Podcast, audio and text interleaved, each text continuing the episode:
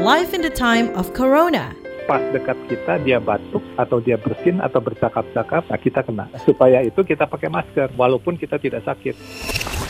Pandemi COVID-19 telah banyak mengubah hidup kita. Nah, di tengah situasi ini kita juga mendapat banyak sekali informasi soal penyebaran COVID-19. Sequis, salah satu perusahaan asuransi jiwa dan kesehatan di Indonesia yang telah berdiri dan melayani masyarakat Indonesia selama lebih dari 35 tahun juga ingin berkontribusi mengedukasi masyarakat cara menghadapi masa pandemi COVID-19 ini. Harapannya ke depannya akan lebih baik seperti tagline dari Sequis yaitu Your Better Tomorrow yang berarti hari esok yang lebih baik. Semuanya dikemas dalam serial diskusi podcast yang menghadirkan narasumber-narasumber yang kompeten di bidangnya dan informasi ini nanti bisa Anda temukan juga di Sequis quiz.co.id. Life in the time of Corona. Masuknya virus corona ke Indonesia juga menimbulkan banyak mitos tentang virus ini tersebar di masyarakat. Apa saja yang harus kita ketahui tentang virus corona ini? Kita akan berbincang-bincang dengan Dr. Handrawana Desul, penulis buku, pengasuh rubrik kesehatan sekaligus motivator kesehatan. Hanya di sini, Live in the Time of Corona bersama saya Rizal Wijaya dengan tema Bongkar Mitos Corona dan Bagaimana Melawannya Sebelumnya bisa dijelaskan dok, bagaimana sebenarnya virus corona ini bekerja? Kemudian siapa yang paling rentan terpapar? Iya, jadi sebetulnya virus corona ini virus bungsu dari kerabat corona. Kita tahu virus corona itu ada ratusan ya, tapi sebagian besar pada hewan, pada satwa.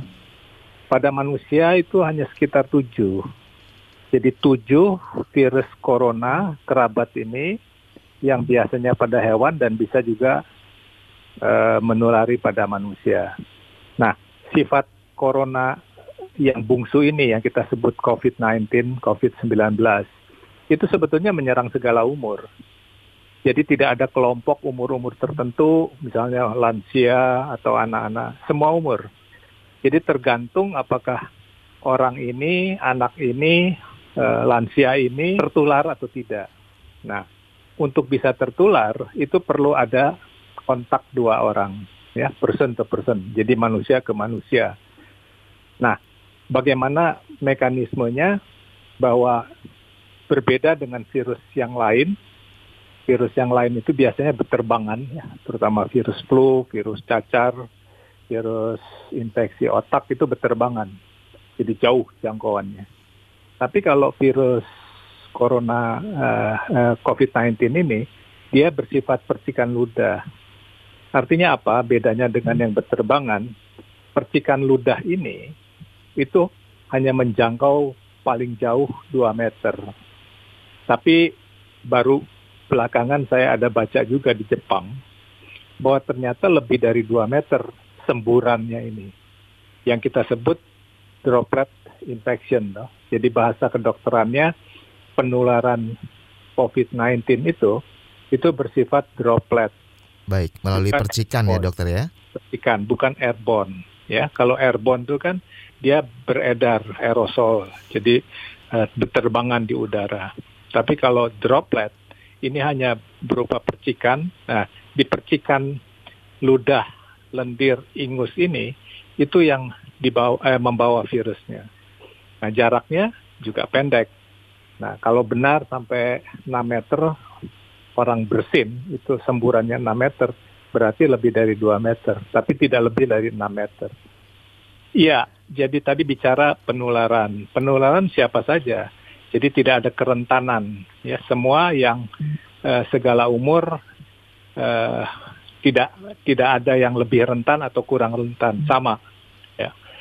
Yang berbeda adalah kalau mengenai usia lanjut di atas 60 tahun, nah itu akibatnya lebih buruk. Ya, artinya dia kelompok yang lemah.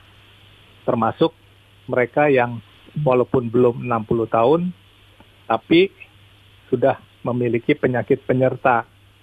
Jadi sebelumnya sudah ada sakit jantung, sakit paru, sakit ginjal, stroke dan sebagainya. Jadi kalau orang dengan komorbid, kita sebut komorbid, orang yang sudah ada penyakit penyerta sebelumnya, biasanya penyakit-penyakit menaun, nah ini yang kelompok rentan, Baik. lain usia 60 tahun ke atas. Virus corona yang begitu cepat penularannya, kemudian ancaman dan juga bahayanya juga sangat luar biasa.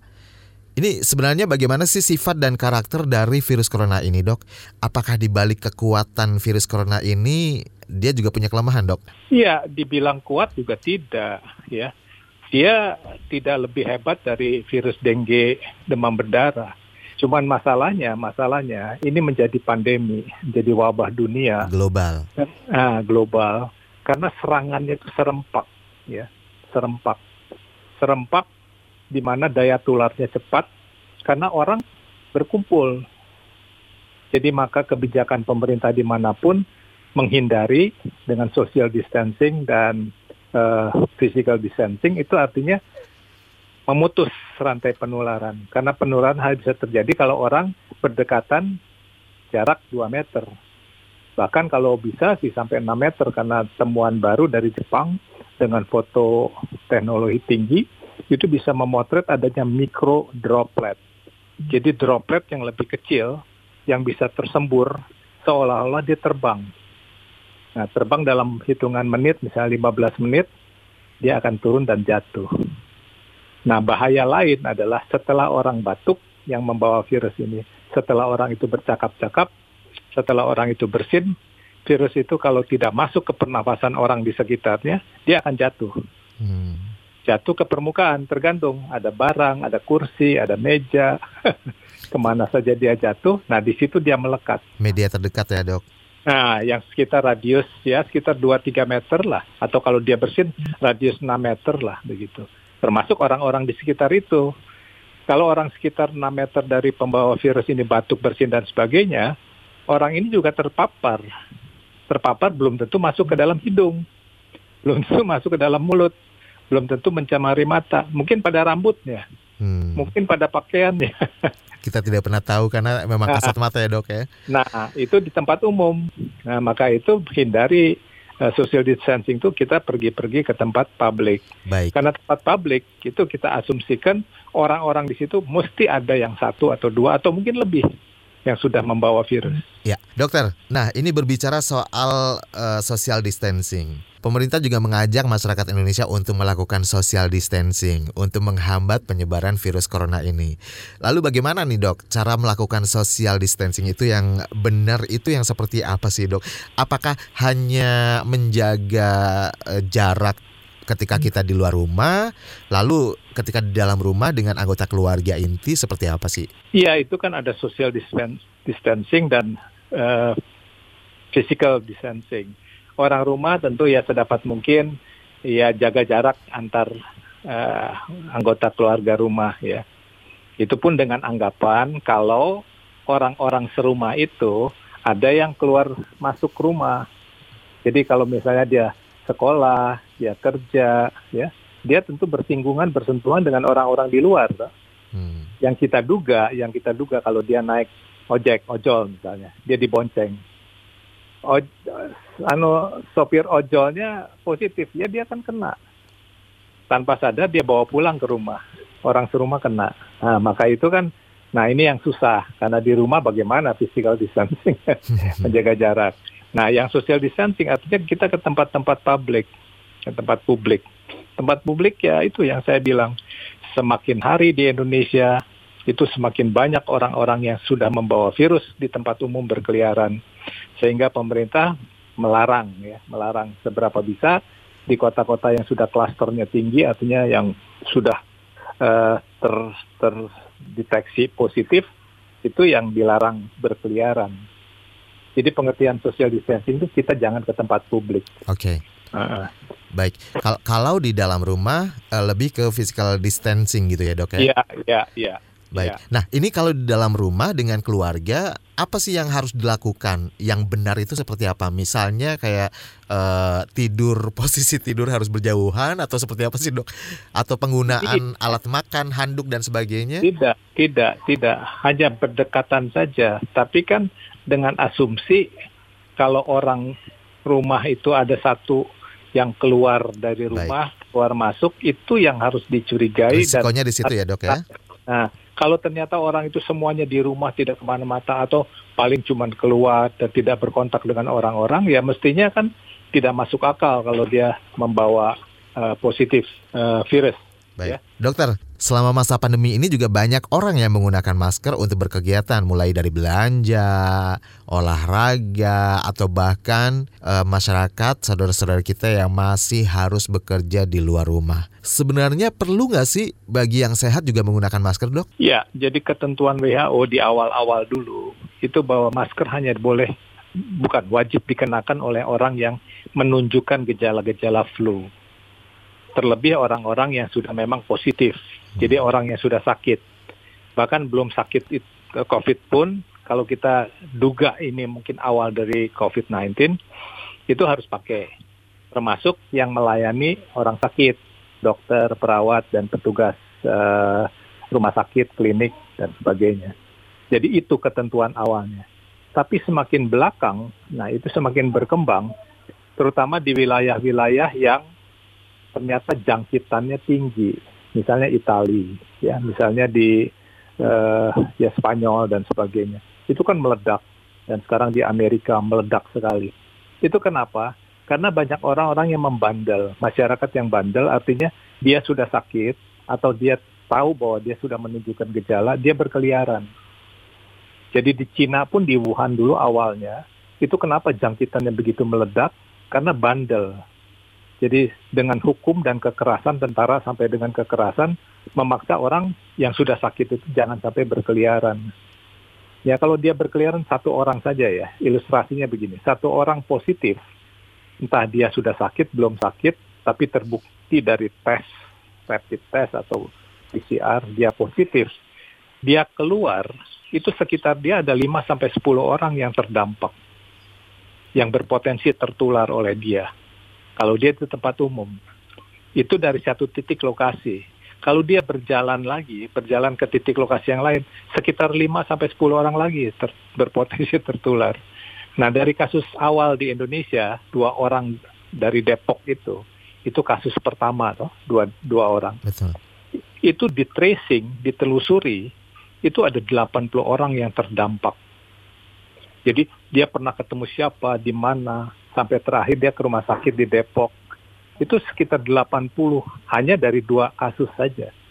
Dari 80 yang terdampak ini, setiap orang dari yang 80 itu juga di sekitar lima orang dia. Kan itu orang ke mana-mana.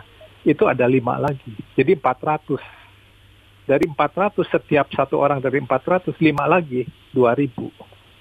Nah itu yang seperti deret ukur itu yang harus dibayangkan oleh masyarakat bahwa peran setiap orang dari masyarakat itu besar dan dia wajib untuk tidak sembarang keluar rumah kalau kalau dia positif dia begitu besar dampaknya terhadap masyarakat yang lain Baik. merugikan diri sendiri maupun masyarakat yang sampai ratusan itu di belakang dia Baik. Artinya ketika keluar berkegiatan entah itu hanya sekedar belanja, berolahraga, tetap paling aman menggunakan masker karena mungkin di tengah-tengah masyarakat kita takutnya risikonya ada yang menularkan gitu ya, Dok. bukan takutnya sudah hampir pasti Sudah hampir Karena pasti. semakin banyak kasus di kita udah 1.500, 1.700.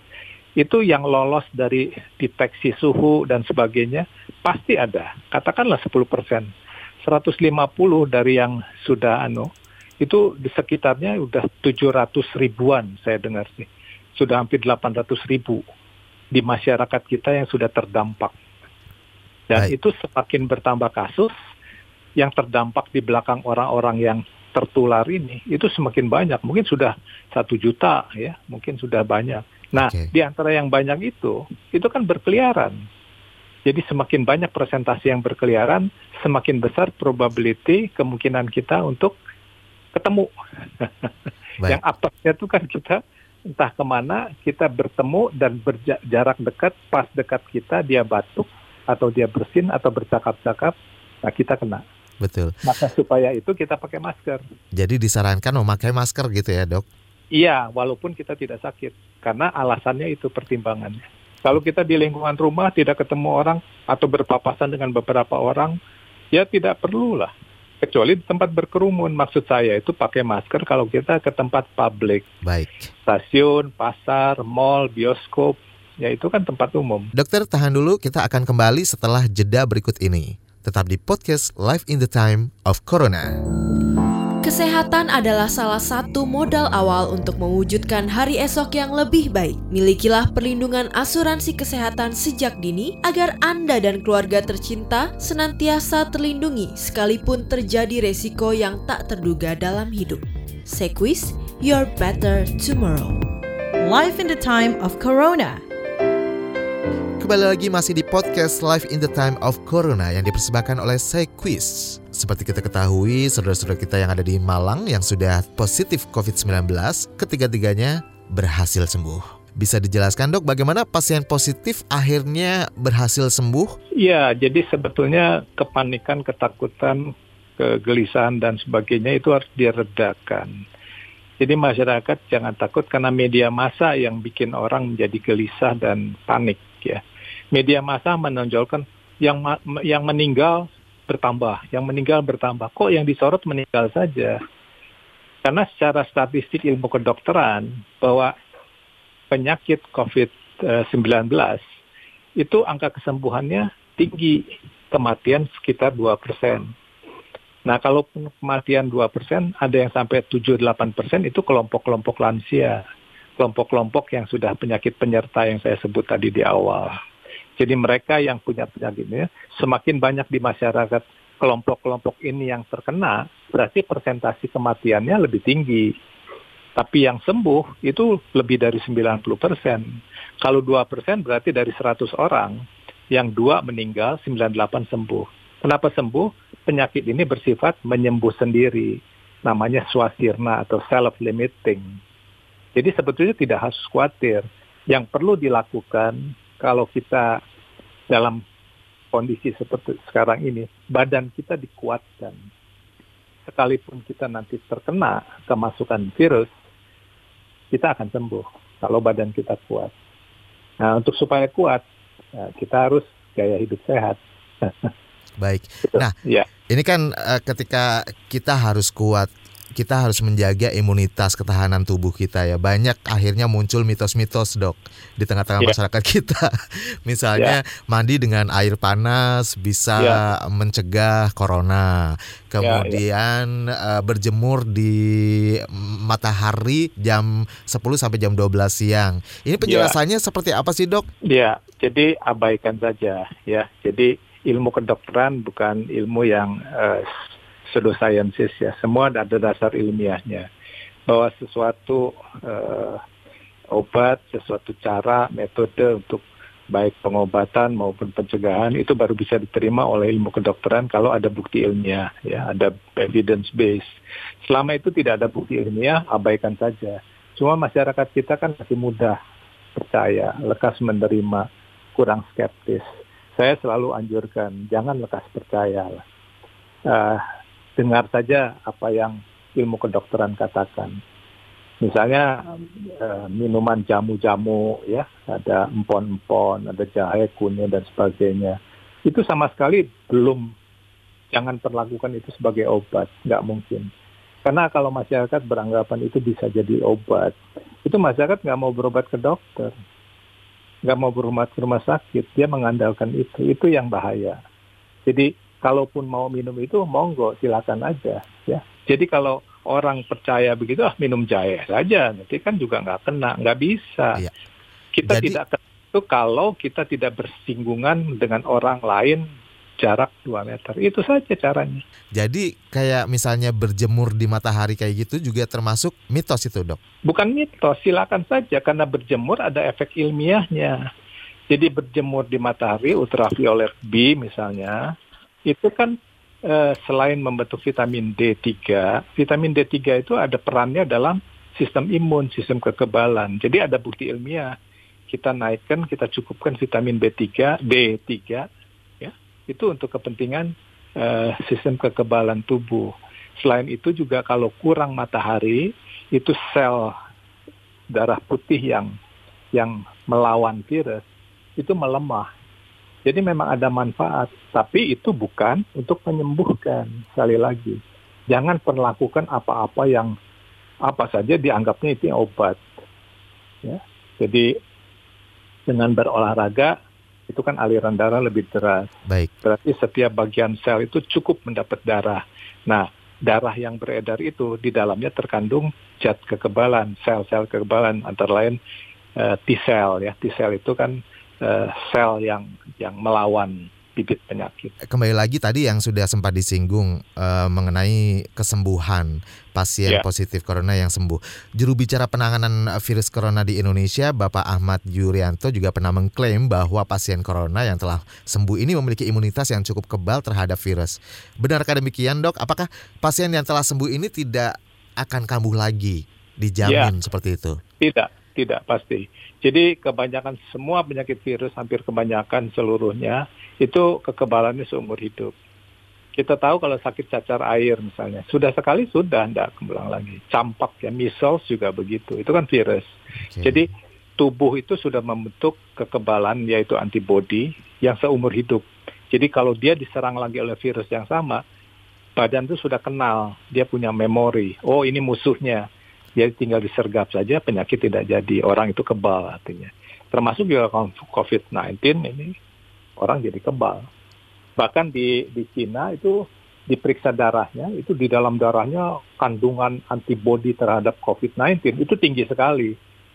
Jadi bahkan konon katanya dipakai untuk menyembuhkan, diambil darahnya, serumnya yang mengandung antibodi, zat kekebalan, dimasukkan ke orang yang sakit, itu menolong. Oke. Okay. Nah, uh, berlanjut dokter selain yang sembuh, tadi kita juga bahas uh, beberapa terjadi penolakan terhadap pemakaman jenazah COVID-19 ya kan. Terakhir di yeah. daerah Banyumas, terus di yeah. Medan juga. Yeah. Nah ini sebenarnya seperti apa sih dok? Proses pemakaman adakah syarat-syarat tertentu? Misalnya jaraknya dari pemukiman, kedalamannya, seperti apa sih dok? Ya protokolnya ada sebetulnya. Artinya kan selama mayat itu masih segar, artinya cairan yang keluar dari tubuh, entah itu ingus, ya cairan lain-lain, itu diduga, bukan diduga, dipastikan masih ada virusnya. Jadi semua orang yang bersentuhan dengan mayat ini, itu kan harus perlindungannya khusus. Saya lihat di TV, eh, ya di daerah mana nggak tahu, itu tanpa perlindungan sama sekali. Kasihan itu, pe, anu, uh, penolong untuk menggali kuburnya itu harusnya dengan perlindungan yang betul-betul lengkap. Karena apa? Karena tercemar oleh oleh eh, mayat itu walaupun sudah dipeti, kita tahu petinya mungkin juga sudah bocor dan sebagainya. Dan peti untuk ini itu dibuat khusus. Artinya kedap udara supaya apa? Supaya virusnya tidak bocor keluar, cairannya keluar. Nah, yang bahaya itu saat dibawa dari tempat uh, anu uh, dari tempat mayat ini sampai ke tempat penguburan, pemakaman. Nah itu yang yang wilayah itu yang bahaya. Artinya selama perjalanan itu kan juga bisa mencemari dan orang tidak boleh dekat kecuali yang yang e, membantu pemakaman. Baik. Saya kira itu. Hmm. Iya. Nah, akhir-akhir ini juga lagi happening banget nih uh, terkait penyemprotan disinfektan.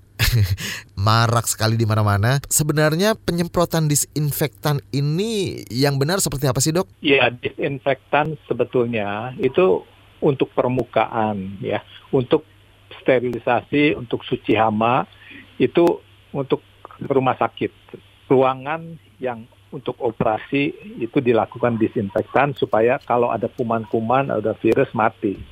Jadi dinding, lantai, peralatan-peralatan medis itu disinfektan. Tapi yang salah adalah disemprotkan ke tubuh orang. Itu nggak boleh. Satu. Kedua, bahannya apa ingredientnya? Apakah bahan ini tidak membahayakan kalau dibikin atas dasar bukan eh, baku, standar baku? Karena WHO sudah menggariskan apa yang yang boleh untuk dijadikan disinfektan itu yang nah, tapi yang saya amati banyak disinfektan dibuat entah dari mana itu uh, formulanya ya. Dan sebagian saya lihat sebetulnya tidak menyehatkan kalau terhirup. Tidak menyehatkan kalau mengenai kulit. Nah jadi dengan menyemprotkan ke tubuh itu keliru jadi satu keliru pemakaiannya, kedua keliru kandungannya apa, ingredientsnya, komposisinya. Jadi itu sudah salah kaprah ya. Misalnya satu desa sebelum memasuki gerbang semua disemprot ya. Ya itu kan nyemprot orang untuk apa? orang itu kan juga belum tentu. Nah, kalaupun di jalan disemprot ya diduga jalan itu sudah tercemar. Itu mungkin karena banyak orang lalu lalang dan sebagainya. Tapi di tempat umum. Tapi di desa yang belum ada kasus positif, nyemprot itu kan mubazir katanya. Karena hampir tidak mungkin ada virusnya kecuali sudah ada virus, sudah ada orang yang positif, ya itu masih masuk akal. Oke. Saya pernah menemukan apa namanya riset dari sebuah organisasi kesehatan yang menyebutkan yeah. kalau korban meninggal akibat COVID-19 ini kebanyakan adalah kaum pria. Kemudian dari 25 negara dengan jumlah kasus tertinggi menunjukkan 68% pasien yang meninggal merupakan laki-laki. Misal di Tiongkok 71%, kemudian Portugal 70%. Ini seperti apa penjelasannya, Dok? Ya, secara genetik sebetulnya tidak ada ya, tidak ada gender, gender bahwa gender laki lebih rentan dan sebagainya. Saya kira lebih ke masalah sosial. Jadi laki-laki lebih mobile, ya, lebih banyak bergerak, lebih banyak outdoor, lebih banyak kegiatan di luar, ya, lebih banyak kumpul dan ketemu dibandingkan wanita. Saya kira lebih-lebih ke situ masuk akalnya. Karena secara gender nggak ada perbedaan. Dan yang ini juga tidak kalah penting, selama masa karantina ini kira-kira apa saja yang bisa kita lakukan dan kita konsumsi untuk tetap sehat dan kita bisa terhindar dari virus corona? Ada himbauan, pesan atau tips dari dokter yang bisa disampaikan? Silakan dok. Jadi begini, musuh kita kan nggak kelihatan, virus nggak kelihatan. Bahkan orang yang membawa virus pun kita nggak bisa lihat. Ya, jadi satu-satunya kita bisa andalkan dalam kondisi sekarang ini, badan kita dikuatkan. Nah, pengertian dikuatkan apa? kita hidupnya lebih tertib teratur dengan gaya hidup sehat. Nah, saya selama ini udah 15 tahun saya keliling Indonesia roadshow seminar membawakan gaya hidup sehat bahwa sehat itu murah. Nah, bagaimana diterapkan di rumah? Pertama, makan kita yang benar. Artinya menu kita menu seimbang. Sekarang banyak sekali masyarakat yang menu macam-macam pilih menu apa-apa itu keliru jadi menu yang menyehatkan itu menu seimbang, balance diet. Persis seperti nenek moyang kita dulu. Karbohidrat 60%, protein 25%, 15% lemak. Kalau komposisi makan kita sehari tiga kali, pagi, siang, malam seperti itu, pasti sehat. Kedua, menu kita setiap makan itu harus lengkap. Artinya lengkap, kita harus uh, bukan satu macam saja menunya nggak bisa orang Indonesia kan makan nasi soto, nasi gado-gado, nasi ketoprak nggak cukup. Harus tiga empat macam variasinya supaya kebutuhan tubuh yang 45 nutrien zat gizi yang tubuh butuhkan itu 45 termasuk vitamin dan mineral. Kalau satu kurang yang esensial itu tubuh mesinnya nggak bagus dan ketahanan tubuh juga berkurang. Kita tahu bahwa sistem kekebalan tubuh kita itu dibentuk oleh dua satu sel darah putih, satu cairan humoral yang ada di dalam darah. Kedua-duanya membutuhkan protein. Kalau asupan makan kita kekurangan protein, mungkin mungkin pembentukan dari kekebalan tubuhnya berkurang. Maka protein yang yang yang paling bagus uh, yang dibutuhkan tubuh adalah asam amino esensial. Jadi gugus asam amino itu yang membentuk protein. Makanan apa yang paling lengkap asam amino esensialnya? Telur. Okay. Jadi jangan lupakan setiap hari sekurang-kurang satu telur karena asam amino esensial ada di telur. Demikian Live in the Time of Corona bersama saya Rizal Wijaya dengan tema Bongkar Mitos Corona dan Bagaimana Melawannya menghadirkan narasumber Handrawan Nadesul, penulis buku, pengasuh rubrik kesehatan sekaligus motivator kesehatan. Sampai jumpa di Live in the Time of Corona episode berikutnya. Live in the Time of Corona dipersembahkan oleh Sequis, Your Better Tomorrow.